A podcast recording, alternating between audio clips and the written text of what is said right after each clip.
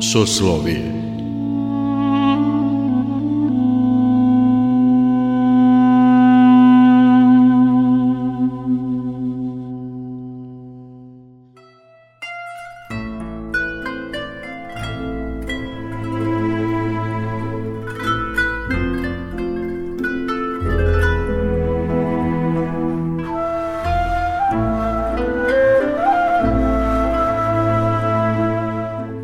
Slušate Soslovije, religijski nedeljnik Radio Novog Sada. Dobrodošlicu vam želi Mirjana Ranković. Gost Soslovije je akademski slikar Bojan Savić. Izložbu njegovih slika pod nazivom Snovi o slobodi možete da pogledate do 14. novembra u američkom kutku u Novom Sadu. Diplomirao je zidno slikarstvo na Fakultetu primenjenih umetnosti i dizajna. Imao je preko 25 samostalnih izložbi, od kojih pet u inostranstvu, na Malti, u Budimpešti, Puli, Kotoru i Varšavi. Za sobom ima i veliki broj grupnih međunarodnih izložbi i umetničkih projekata – 13 godina radio je kao likovni pedagog u prosveti, a trenutno radi kao art terapeut za ljude i decu sa cerebralnom paralizom. Živi i radi u Beogradu gde ima svoj atelje. Kako biste vi sebe predstavili? Ja bi sebe možda predstavio kao altruistu, odnosno čoveka koji voli ljude i koji voli život. U kakvoj porodici ste odrastali? Pa mislim da sam odrastao u jedno prosečnoj normalnoj porodici rođen sam 75. i do 90. su baš bile dobre godine u koje je bilo ok vaspitati dete što se tiče mojih roditelja, a opet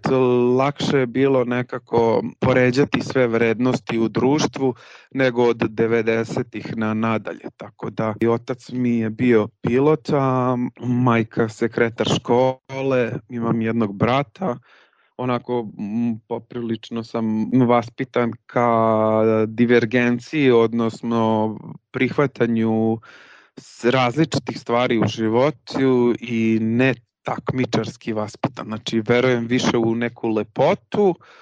života i različite stvari u životu što se događaju, nego da budem prvi ili drugi ili treći. A koje duhovne vrednosti su bile važne u vašoj porodici? To je dosta teško i složeno pitanje, jer kao i svaka porodica, svaka porodica ima vrstu transformacije koja prolazi kroz um, neki život kako odrastamo i nešto se negovalo na početku, kasnije, kasnije razvijajući se opet malo drugačije. Ono što mogu da kažem da moji roditelji i brat uh, pa i ja nismo stali u tom nekom razvoju, nego smo uvek u nekom procesu daljeg razvijanja. Znači, mama je dosta čitala knjige, tata je dosta putovao, brat se sad bavi grafičkim dizajnom i fotografijom i on je umetnik, trenutno živi u Mihenu i onda kroz određeno vreme smo evoluirali, ali mislim na onaj pozitivan način. Tako da ako bih sad nekako prosto morao da izaberem par reči o duhovnim vrednostima, to jeste da zaista možemo da se oslonimo jedni na druge, a ne moramo svakog trenutka da budemo jedni pored drugih da bi to sad bilo to to, nego prosto živimo svoje živote a sa druge strane vas da smo jedno za drugo tu. Mama dosta čita sveto pismo i dosta je ovako pobožno, nje smo svi naučili, odnosno ona je krenula da zaista kroz tu jednu vrstu univerzalnih vrednosti koje sveto pišcu i naravno i sve što u njemu piše polako unosi u neku svetlost u našu porodicu, a tata je valjda stalno putovao pa je video šta sve ima tu po svetu, tako da nismo ni ostali nekako zatvoreni, da, da mora sad to nešto da bude samo u Srbiji ili tako nešto, tako da eto sa dve stvarane smo, da kažem, živeli smo u, u dvosmernoj ulici vazda. Završili ste fakultet primenjenih umetnosti i dizajna i to zidno slikarstvo. Kad kažem zidno slikarstvo, prva asocijacija mi je fresko slikarstvo. Kako ste vi došli na ideju da upišete baš taj smer i da li ste vi birali svoje zanimanje ili je ono izabralo vas? Reč sudbina nije adekvatna, a o, ovaj, ono promisao Božija je pre više tako kako treba da bude, jer ja sam zaista prvo želeo da, da upišem grafički dizajn i voleo sam jako grafički dizajn, ali na na samim pripremama koje je držao Miroslav Lazović, sada profesor na zidnom slikarstvu, koji je imao dosta uticaja na mene, on je primetio da ja dosta dobro radim taj valer da kažem, to neko slikanje crnom-belom bojom i da bi možda mogao da odem na slikarstvo i blago me prevario da kaže pa dobro ti kao upiši slikarstvo, dobar si slikar, a ti ćeš se vratiti na grafički dizajn. I odveo nas se na fakultet i tačka preloma je bio sam ulazak u atelje na fakultetu gde sam ja, ono, tu je tad nastao taj klik, e, ljudi, to je to, ja to želim i tako dalje. I mm, naravno prve godine na, kada sam ipak pokušao grafički dizajn sam pao, a supruga je iste te godine pala na likovnoj akademiji u Beogradu inače i ona slikar i onda druge godine smo i ona i ja se našli na prijemnom i bili smo u istoj klasi i jedan kum i drugi kum i onda smo se tako svi našli u jednoj klasi ko će posle da prelazi u trećoj godini na, na grafički dizajn kad je tu i devojka i društvo i sve i neki dobri prijatelji i tako ja ostadoh na slikarstvu. Eto, to je ta anegdota. Da li se sećate tog trenutka kada ste postavili sebi pitanje koja je moja svrha, svrha mog života i da li postoji Bog? Svoju svrhu sam pronašao I samim tim što sam oženjen, pa mi je žena dobra i to je moj pravi izbor,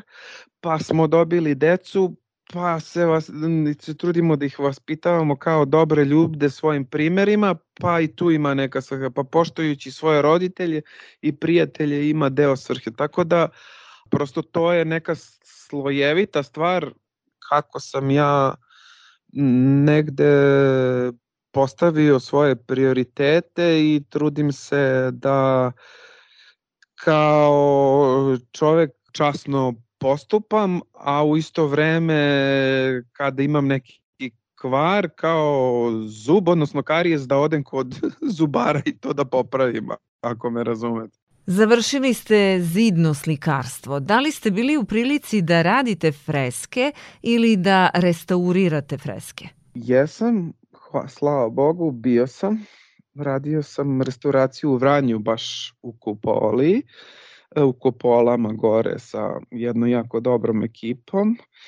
Čak sam, eto, igrom slučaja i prisustvovao jednom venčanju, gledajući od ozgore samo venčanje, liturgije, blizina kupole, odzvanjanje zvukova,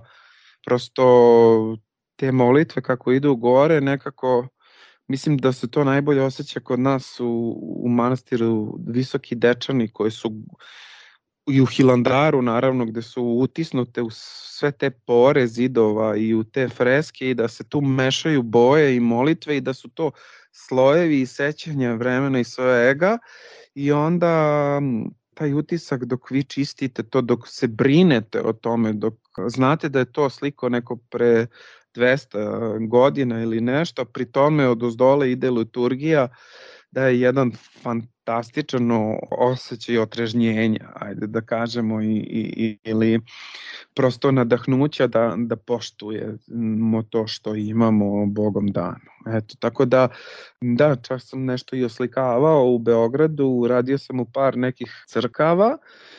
ali priroda samo mog unutrašnjeg bića nije bila takva da sam ja za restauratora, jer previše mi je nemiran duh i, i previše želim na više strana, tako da posao restauratora me sa jedne strane koliko zadovoljio, toko me malo držao pod ne, nekom tenzijom, a mislim da kao sad art terapeut sa jedne strane dajem mnogo više primenjivije u, u, u samom odnosu prema ljudima. To je ta socijalna inteligencija koju, ajde kažem, primenjujem. Ono jedno od tih talenata što imam.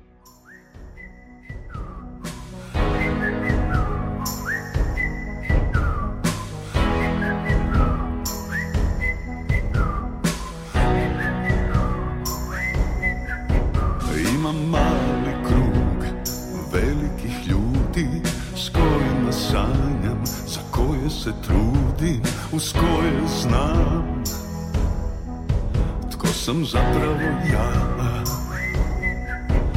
Imam čarobnu oazu sred pustinje U kojoj vrelo nikad ne presušuje Al broj sunčanih dana Premašuje prosjek. Jedan mali krug nama dovoljno velik samo naš svijet, naš privatni svemir Sazvježđe smo kad se spojimo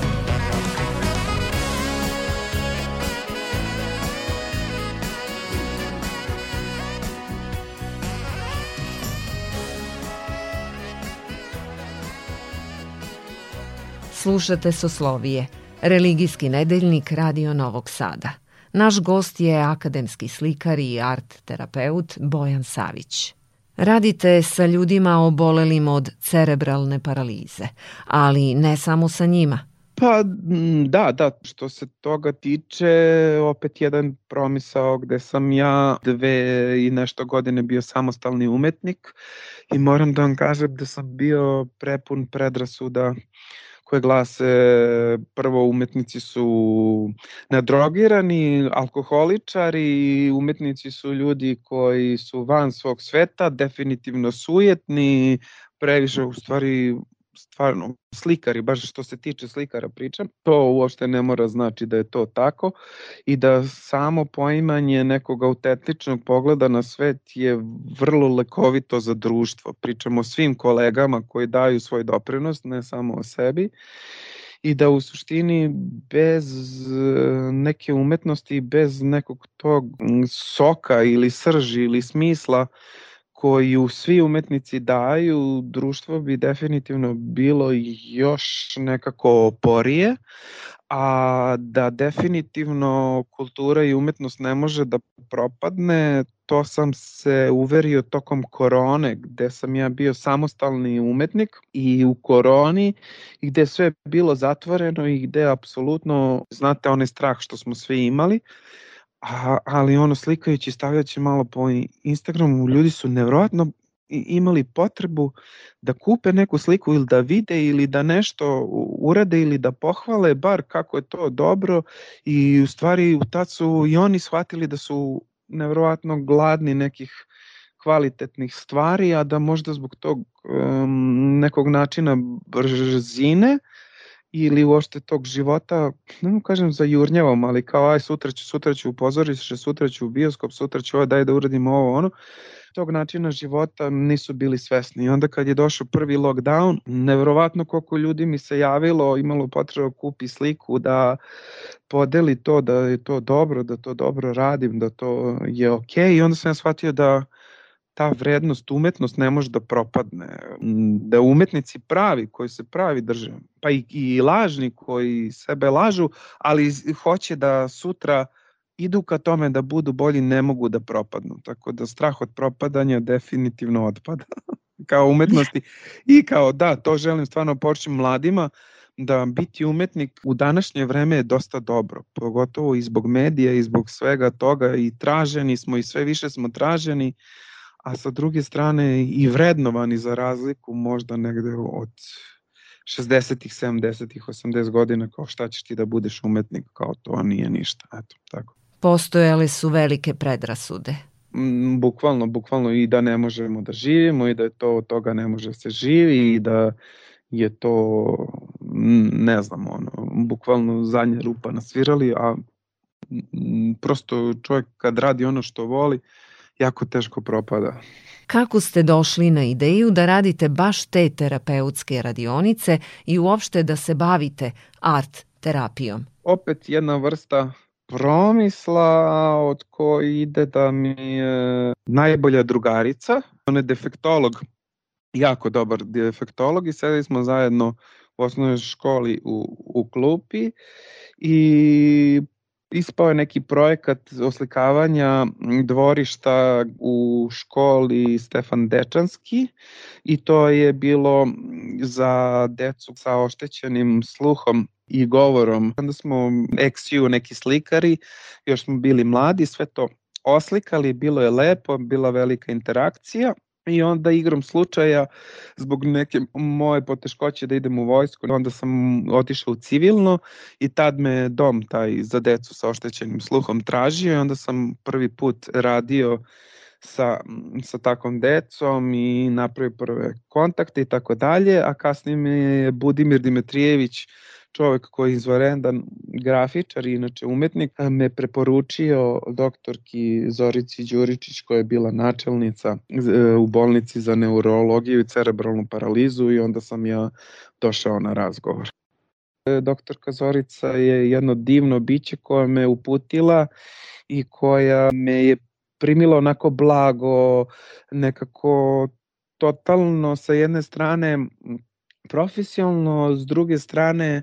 lično ona terapeutski, da to ništa ne mora na silu, da ja ne moram da se opterećujem, da ja ne moram tu ništa doje, jer ja nisam bio svestan i siguran da će moj stomak podneti tu vrstu pritiska i tu vrstu uopšte rada, jer nije lako ući u takvo okruženje, a pogotovo nešto izroditi i, i, ili napraviti tako dalje. Ali njena podrška, jako, jako sam joj zahvalan na toj podršci. Posle mesec dana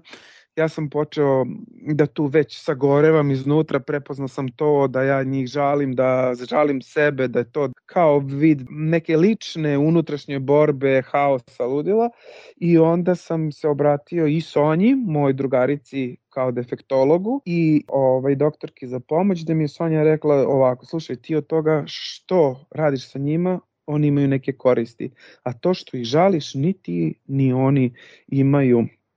koristi,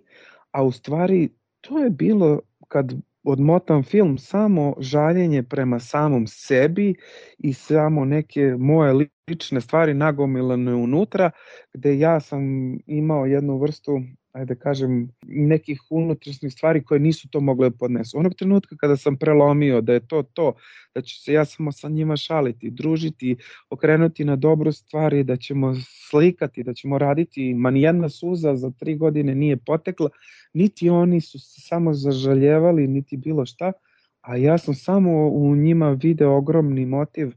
kako bre oni to rade, kako oni iz tih kolica, koliko su oni motivisani da dođu i da urade i da naslikaju i da budu i da sačekaju i, i da kažu ok je i, i sve nešto. I onda kad sam soću, pa čekaj bre, ja volim bre da dođem u tu bolnicu, volim da vidim te ljude, volim da budem tu, da mi ta atmosfera prija. A onda sam ono što je čovečno, mislim u meni taj altruista se probudio koji je rekao čekaj, ako oni mogu tu, evala može, mogu i ja za njih više i onda je tako to krenulo na bolje. Da, često imamo zazor prema bolesnima, prema ljudima koji imaju neki fizički nedostatak. Da, E, mislim da, da to može da se dosta promeni baš kroz ovako neku razgovor sa nekim ljudima i uopšte prilaskom svakog od nas nekome kome treba pomoć. Nema veze kakav je o, o kakav ne, ne kakav nego koju vrstu problema on ima, tačno jer svi bi mi da nam bude lepo i svi bi mi da to nam što lakše bude u životu. A, ali mislim da, da je ta emocijalna fizika glasi da prvo bi trebali da nekako otklopimo deo energije kod nekog ili kod sebe ili kako god već kroz neku vrstu pomoći, kroz već ošafljenja tog pritiska u smislu jeste on bolestan, ali ako ga ja prevedem preko ulice, ako je on slep, znači ja sam dobio plus gore na nebu, o njemu je lakše, šta sad ja radim, idem dalje, spinujem to, uradit ću nešto ovde dobro, a i Tesla je rekao da u suštini e, ako želimo da živimo bolje i ako želimo uopšte da shvatimo ono što ste me pitali smisa, e, šta je smisao ranije, nije da mi u okviru tehničkih naprava i tehničkih stvari pronalazimo rešenja, nego već kroz u suštini okretanje jedan drugom i podizanje svoje svesti o jedno drugom. Pa ako ćemo tako, na nekom patriotskom nivou nama u zastavi definisan je kod samo sloga Srbina spašava, odnosno ta sloga uh, u suštini nam je jedini lek protiv svih tih stvari nedaća koje nas okružili ili smo sami sebi napravili, ako me razumete. Koja ličnost je uticala na vas i dotakla vašu dušu i srce? Ja ne, uf, to je baš teško pitanje. Aj, pokušat ću ovako da, da odgovorim. Mama i tata što su me rodili, brat što nisam jedinac, žena što živim sa njom u, u, u jednom skladnom braku, deca, hvala Bogu što ih imam, prijatelji koji su razni na razne načine, direktorka Jasmina Tonić koja me naučila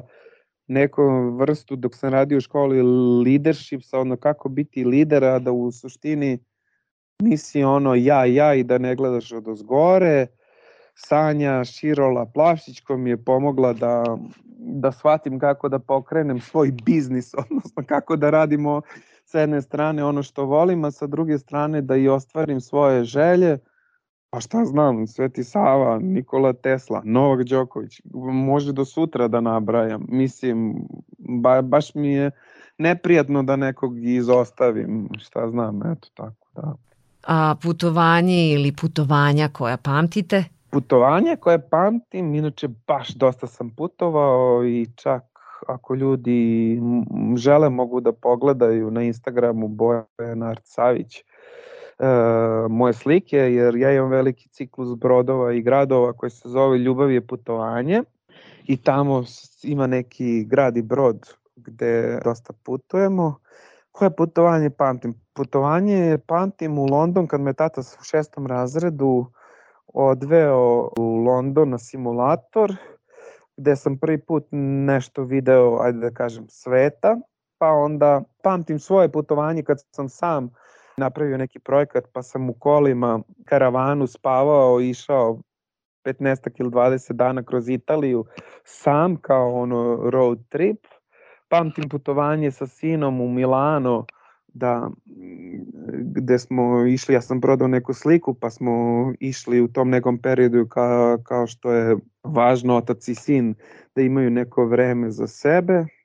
Pamtim putovanje gde smo bili mesec i po dana u Puli, supruga, ja i deca, gde su deca više zarađivala kao slikari nego ja i, i supruga, pamtim silne kolonije, slava Bogu, na kojem sam bio, putovanje na Hilandar, naravno, tako da ima dosta putovanja. Knjiga kojoj se vraćate ili knjige kojima se vraćate? Knjiga koju se naravno vas da vraćam je sveto pismo, to je nekako, pa čak i psaltir, ali u tome što, što nekako vas da odatle može još nešto da se doradi, nauči i tako dalje. Brdo nekih knjiga, ne onoj klasičnoj samopomoći, ali o uopšte vrsti kako nekako zaista imati neke svoje alate, jer su ovo zaista moderna vremena, to mislim da je isto važno moderna vremena, drugačiji načini, iste vrednosti, drugačiji načini. Lepo Bog promeša karte pa nam da novi kontrolni, E, za novi kontrolni uvek treba da se spremi, pa tako čitam, a možda jedna od knjiga koju zaista dosta volim, vraćam se, Prati svoje srce, te u stvari upisuje tu preopterećenost razmišljanja, preopterećenost tog mozga i koliko mi samo racijom donosimo ne, neke odluke, a, a, a negde sam pročitao i ne znam ko mi je rekao, čak sam zapisao, da u suštini najbolje odluke se donose iz stomaka, ono što stomak kaže, ili srce, aj kako bih rekli, jer je to vazda dobra odluka. Tako da mozak ima svoju računarski sistem u sebi, ali ako zanemarimo našu pumpu, mislim da, da to nije dobro ovaj, za bilo koga. Šta biste poručili slušalcima Radio Novog Sada? Poručio bi da ne psuju sunce i hleba i tako te neke stvari i da se svi mi pa i sebi da se što manje nekako žalimo jer u suštini mi smo jedna velika rezonantna kutija koja odzvanja i sad ako se ja žalim pola sata vama ja ću to sledećih određeno vreme da osjećam. Poruka definitivno koju ima želje, nemojte juriti savršenstvo jer savršenstvo je nešto gde se mi mnogo više izmorimo i mnogo više se negde perfekcionistički postavimo i sagorimo, a u suštini to je ono što nas opterećuje. To je moje mišljenje i poruka. Tako da to bi rekao isto roditeljima, nemojte decu da terate da imaju sve petice u školi, pobiće me. Sada iako sam bio nastavnik, ali nemojte ih terati da imaju sve petice u školi, niti sebe terati da budete savršeni i nekako će ta tenzija splasnuti. Evo primjera radi, vi ste me zvali u emisiju da dođem u Novi Sad, a ja sam o, imao neku taj laringitis šta, pa smo se čuli i dogovorili se preko Skype-a da se vidimo i ovo se odvija sad, znači preko Skype-a, vi ćete to izmontirati a da sam ja zapucao u Novi Sad, pa došao tamo, pa došao iz kola, pa sve da uparkiram, pa gde da dođem, pa vi šta mislite, pa šta vi mislite o meni, pa da li ću ja vama prenesti e, laringitis, pa sto nekih stvari, pa ja se češljam, pa radim, pa sve da to bude nekako sve da ja sebe upeglam, da svi misle dobro u meni nula od intervjua. A ovde ću mara, neku trojku, nadam se da dobije od slušalaca i to je to.